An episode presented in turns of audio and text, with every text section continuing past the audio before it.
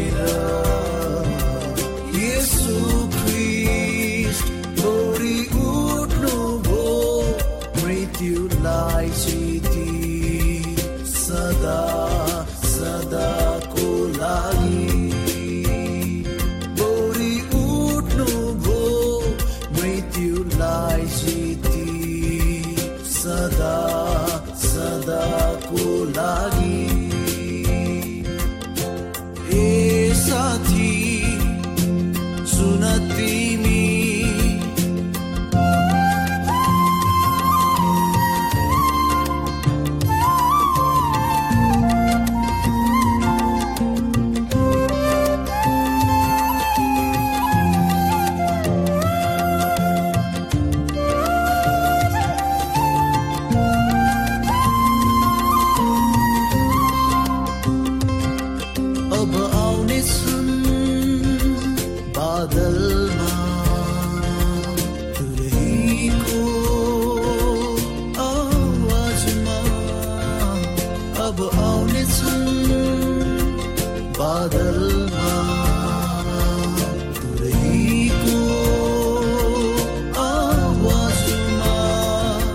यो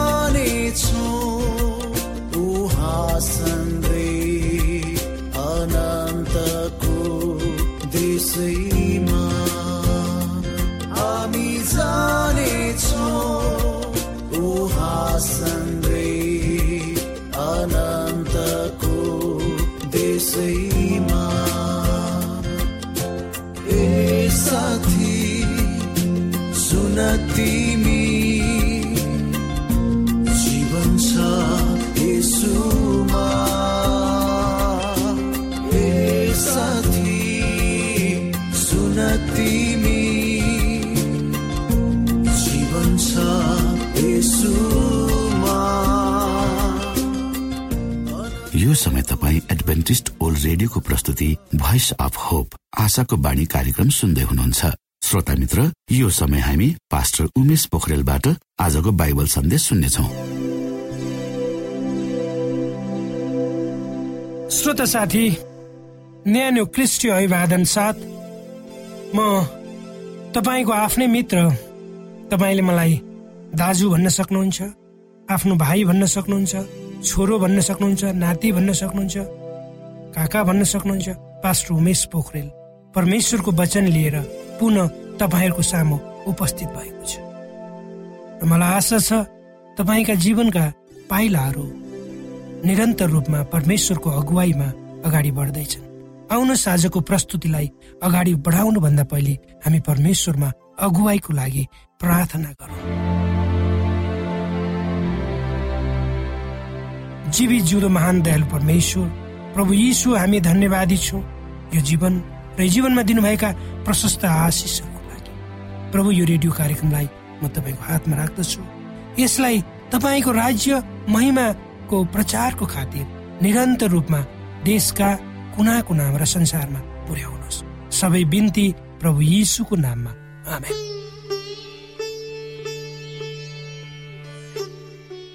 श्रोता मित्र हिजोको प्रस्तुतिमा हामीले परमेश्वर र मानिससँग उहाँको सम्बन्धको विषयलाई लिएर। श्रोता मित्र हामीले हिजोको प्रस्तुति मानिस र उसको परमेश्वरसँगको सम्बन्धको विषयलाई लिएर प्रस्तुत गर्यौं र आजको प्रस्तुति पनि त्यसैको सेरोफेरोमा रहेर हामी अगाडि बढाउनेछौँ। पवित्र धर्मशास्त्र बाइबलको युहुन्ना छ अध्यायको अडतिस पदमा प्रभु येसुले यसरी भन्नुहुन्छ आफ्नो इच्छा पूरा गर्न म स्वर्गबाट आएको हो ओर्लिएको होइन तर मलाई पठाउने हुनेको इच्छा पूरा गर्न आएको हो। यसबाट हामी यस सांसारिक यात्रामा छौँ र हाम्रो उद्देश्य वा जीवनको मुख्य लक्ष्य भनेको परमेश्वरलाई उचाल्नु वा साधारण भाषामा भन्ने हो भने उहाँले गर्नुभएको कामलाई बताउनु र उहाँका आज्ञाहरूलाई सिरोपर गरी त्यसै अनुसार अगाडि बढ्नु। अर्थात् तपाईँ हामी यो संसारमा छौँ। यो संसारको यात्रा छ त्यो हाम्रो त्यो एकदम छोटो छ श्रोता।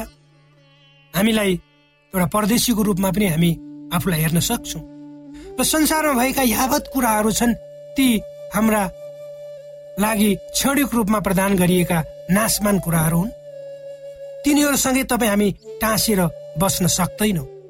जसरी प्रभु यीशुले भन्नुभयो कि प्रभु यीशु परमेश्वर हुँदा हुँदै पनि यो संसारमा मान्छेको रूप लिएर आउनुभयो।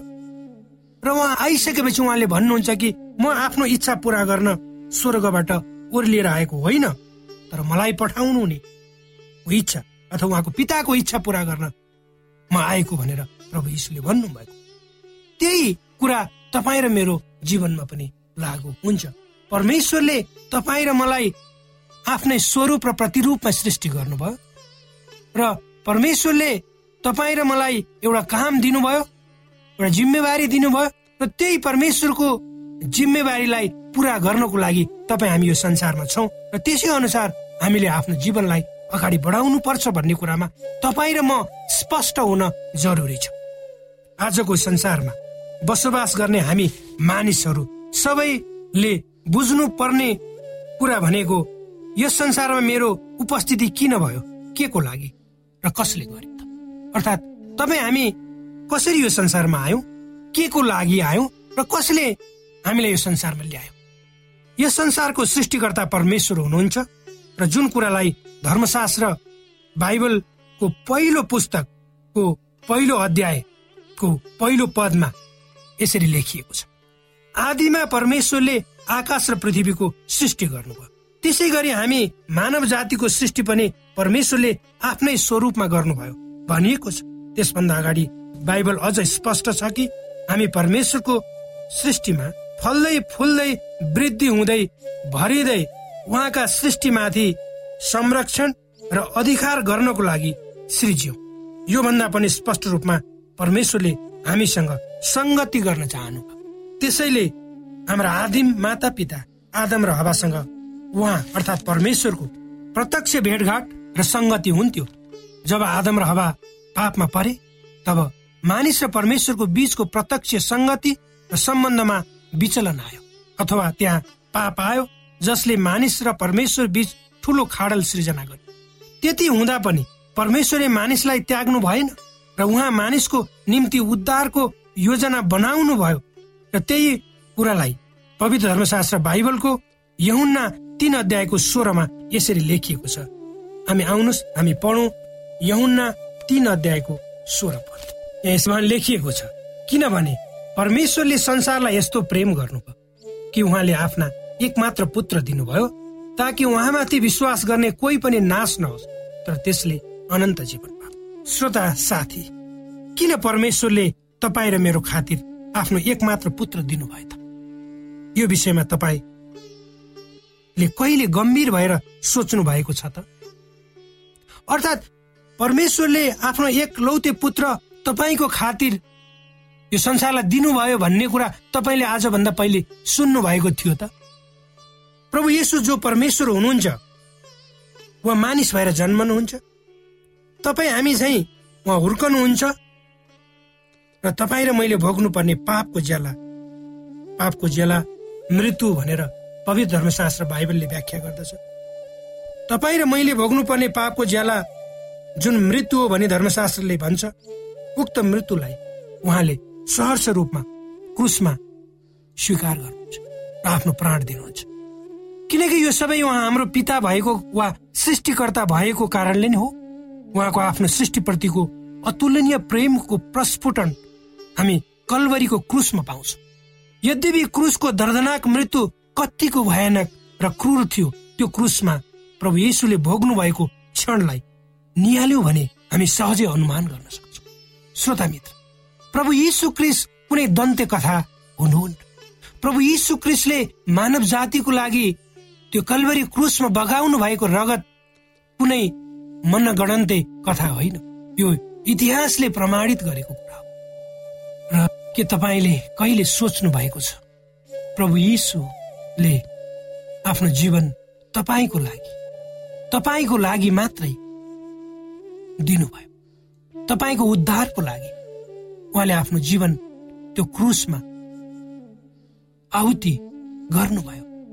क्रुसको दर्दनाक मृत्युलाई त्यो कष्टप्रद मृत्युलाई उहाँले सहर्ष रूपमा स्वीकार। यदि तपाईँ र मैले परमेश्वरको प्रेमलाई परमेश्वरको त्यागलाई परमेश्वरको बलिदानलाई बुझ्न सक्यौँ भने। अर्थात् यदि तपाईँ र मेरो जीवन यो शरीरका नसा नसामा परमेश्वरको प्रेम परमेश्वरको त्याग र बलिदानका कुराहरू त्यो रगतमा सिन्चिन सके भने रगतमा बग्न सके भने अनि मात्र तपाईँ र मैले परमेश्वर र मानिस बीचको सम्बन्धको त्यो मिठो गहिराईलाई हामीले पत्ता लगाउन सक्छौँ। अर्थात् त्यो गहिराईसम्म पुग्न सक्छौँ। परमेश्वर प्रेमिलो परमेश्वर हुनुहुन्छ। परमेश्वर सदाशै परमेश्वर हुनुहुन्छ। परमेश्वर गुनिलो हुनुहुन्छ। र तपाईँ र मेरो खातिर आफ्नो प्राण पनि उहाँले आहुति गर्नु भयो के त्यस्तो परमेश्वरलाई तपाईँ स्वीकार गर्न चाहनुहुन्न? के त्यस्तो परमेश्वरलाई तपाईँ चिन्न चाहनुहुन्न? के त्यस्तो परमेश्वरले भन्नुभएको कुरालाई तपाईँ आत्मसात गरेर उहाँको इच्छा अनुसारको जीवन तपाईँ जिउन चाहनुहुन्न। परमेश्वरले तपाईँ र मलाई तपाईँ र मेरो हृदय रूपी ढोकामा आएर ढक ढकाइरहनु भएको छ श्रोता। उहाँले भन्नुहुन्छ यदि मेरो कसैले मेरो ढकढकको आवाज सुनेर उसको हृदय रूपी ढोका खोल्छ भने म त्यसको हृदयमा आएर बास गर्नेछु। निर्णय तपाईँ। उहाँले तपाईँको हृदय रूपी ढोकामा ढकढकाइरहनु भएको छ। अब तपाईँले उहाँको त्यो आवाज सुनेर तपाईँको हृदय उहाँलाई खोल्ने नखोल्ने अधिकार तपाईँमा छ।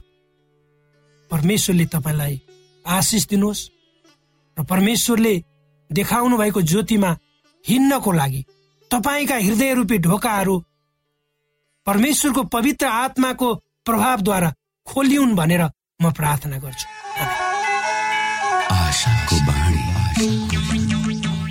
श्रोता भर्खरै यहाँले पास्टर उमेश पोखरेलबाट बाइबल वचन सुन्नुभयो। यो समय तपाईँ एडभेन्टिस्ट ओल्ड रेडियोको प्रस्तुति भोइस अफ होप आशाको बाणी कार्यक्रम सुन्दै हुनुहुन्छ। कार्यक्रम सुनेर बस्नुहुने सबै श्रोतालाई हामी हाम्रो कार्यक्रममा स्वागत गर्न चाहन्छौ।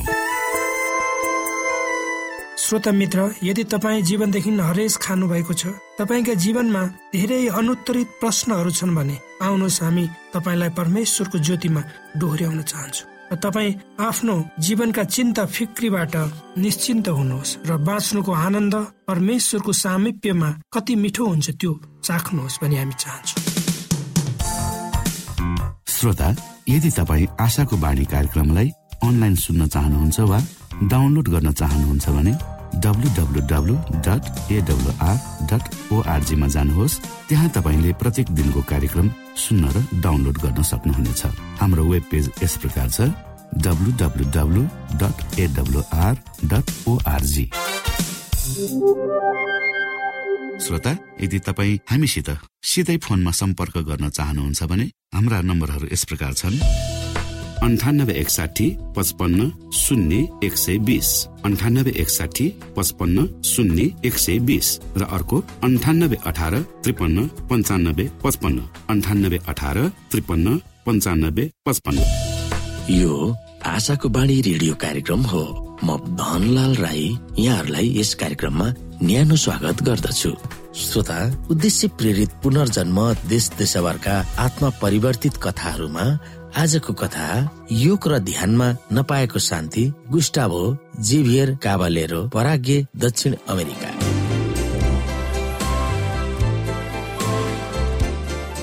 एकजना आध्यात्मिक गुरुले गुस्ताभ र उसको साथीलाई एउटा कोठामा लग्यो। त्यो कोठामा मरेका मानिसहरूसँग कुरा गर्न त्यस गुरुले तिनीहरूलाई त्यहाँ लगेको थियो।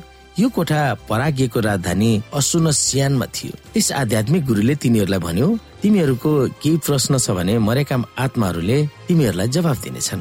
गुस्तावसँग धेरै प्रश्नहरू थिए र तिनीहरूको जवाब उसलाई चाहिएको थियो। उसले दिनको दुई पटक संस्कृत मन्त्र फुकेर ध्यान गर्न थाल्यो र रातभरि सुत्ने कोसिस गर्यो। बिहान एक घन्टा र बेलुकी एक घन्टा उसले ध्यान गरेर समय बितायो। उसमा धेरै तनाव र उदासीनता थियो। ती तनाव र उदासीनता मेटाउन ध्यान गर्ने कदम उसले चालेको थियो। त्यस क्रियाकलाप केही समयसम्म त रमाइलो नै भयो र मनमा शान्ति भएको जस्तो भएको थियो। तर ध्यान पछि उसमा भएको तनाव झन सयौं गुणा ज्यादा बढेर आयो मरेका मानिस भनाउँदाहरूसँग कुराकानी गर्न लाग्दा उसलाई धेरै धक्का भएको महसुस गर्यो। उसले अनेकौं चाक्ली र डरलाग्दो आवाजहरू सुन्यो। त्यहाँ चिच्याएका आवाजहरू थिए। मानिसहरू हिँडिरहेका र गायब भएको उसले देख्यो यिनी त शैतानका दूतहरू वा दुष्ट आत्मा हुन् भनेर उसले सोच्यो। तिनीहरूदेखि गुस्ताबो तर्सिन थाल्यो। गुस्ताबो डराएको देखेर त्यो गुरुले भन्यो नडराउ तिनीहरूले तिमीलाई केही गर्दैनन्। तिनीहरूले तिम्रो दिमाग र मनलाई मात्र जाँच्नेछन्। त्यो अनुभव पछि गुस्ताबोले आफ्नो जीवनलाई पछाडि फर्केर हेर्यो उसका बाबु आमा आइतबार चर्चमा जान्थे। छिमेकीको अनुरोध पछि उसलाई सेभेन एडभान्टेज स्कुलमा बाह्र वर्षको उमेरमा उनलाई भर्ना गरिएको थियो। त्यस स्कुलमा हुने बाइबल कक्षाहरूमा उसको चासो थिएन जसो तसो उसले त्यस स्कुलमा बाह्र कक्षा सिद्ध्यायो। त्यस स्कुलबाट निस्केको एक वर्षपछि बाहिरका साथीहरूले उसलाई नराम्रो बाटोमा हिँडाए। उसले जाँड रक्सी र लागु पदार्थहरू खान थाल्यो। शनिबार र आइतबार अर्थात् विधामा उसले गाँजा रक्सी र जाँड रक्सी र कोकेन जस्ता लागु पदार्थ सेवन गर्न थाल्यो। पछि उसमा झन तनाव फर्केर आयो। उसलाई टाउको दुख्ने र वाकवाकीले सताउन थाल्यो। ऊ मनोवैज्ञानिकहरू कहाँ सहायताको निम्ति गयो? मनोवैज्ञानिकले उसलाई भारतको एकजना धर्मगुरु कहाँ गएर ध्यान गर्न सिक भनेर सल्लाह दिइन्। गुस्तावको एक देवताको मन्दिरमा एकजना साधुसँग भेट भयो। उक्त धर्मगुरुहरूले उसलाई ध्यान गर्न र योग गर्न सिकाए। त्यसबेला त्यस धर्मगुरुले संस्कृतबाट नबुझ्ने शब्दहरू बारम्बार उच्चारण गरेर ध्यान दिन लगाए। त्यसले उसलाई आराम दिन सक्नु पर्थ्यो उसले उसको दिमागलाई खाली पारेर शान्ति हुने ठाउँमा मन लाग्न दिएर शरीरलाई हलुक्क पार्नु पर्दथ्यो। केही समय त उसलाई राम्रै भएको जस्तो लागेको थियो तर फेरि अनेकौं तर्साउने आवाजहरू उसले सुन्न थाल्यो र ध्यान मग्न भएको बेलामा अनेकौं चर्तिकलाहरू उसले देख्न थाल्यो।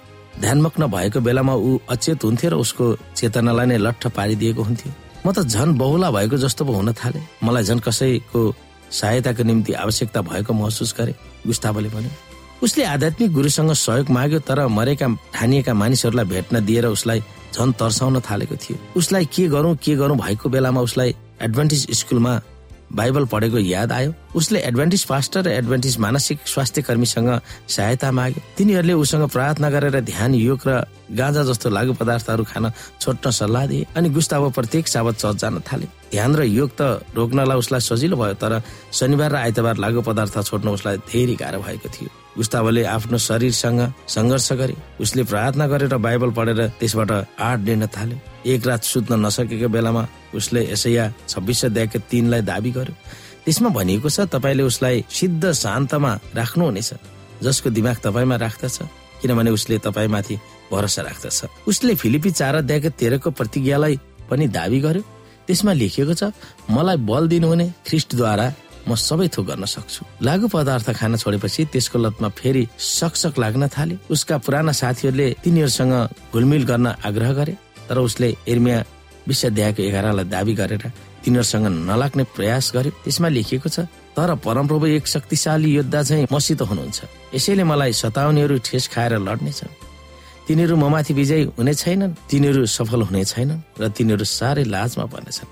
तिनीहरूको अनादर कहिल्यै बिर्सिने छैन। गुस्तावले आफ्नो हृदय यसुलाई दियो र चौतिस वर्षको उमेरमा उसले बत्तिसमा लियो। म मेरो पीडालाई निको पार्ने कसैको खोजीमा थिएँ कोही मानिस छ कि भनेर मानिसको पछि लागे। चर्चमा म परमेश्वरको छोरो हुँ भनेर मैले ज्ञान पाएँ। उहाँले मेरो जीवनलाई स्वतन्त्र पार्नुभयो। बत्तिसमा पछि इसाई ध्यानको बारेमा भिडियो हेरे र त्यस अनुसार चल्ने उसले निर्णय गर्यो। त्यसमा पहिले उसले योग र ध्यान गर्दा सिके जस्तो ध्यान गर्ने तरिका लाग्यो। संस्कृतका लवचहरू दोहोऱ्याउनुको सट्टा बाइबलमा भएका वचनहरू दोहोऱ्याउनु पर्दथ्यो। त्यसको नतिजाले उसलाई झन धक्का भयो मेरो दिमागलाई मैले नियन्त्रण गर्न सकिनँ र पहिलाको जस्तै मेरो दिमाग खाली भएको जस्तो लाग्यो।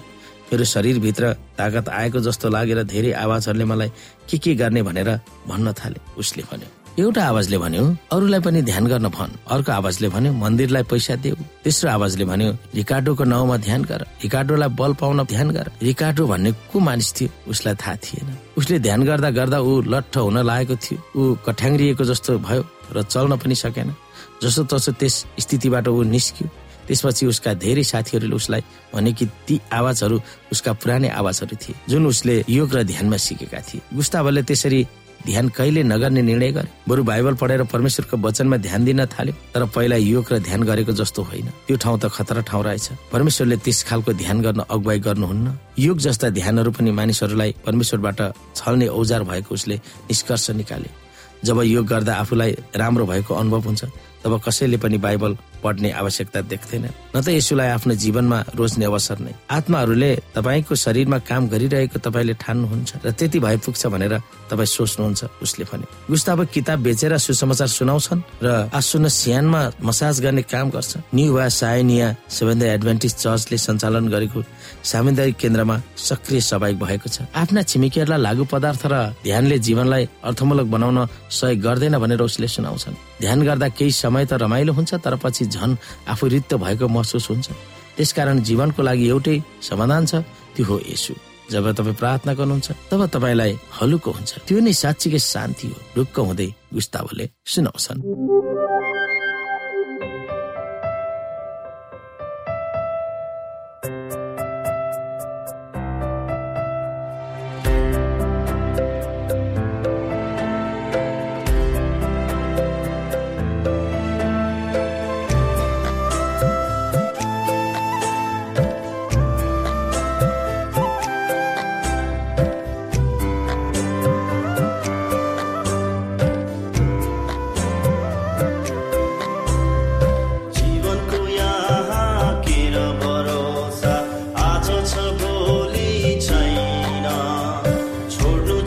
Baba.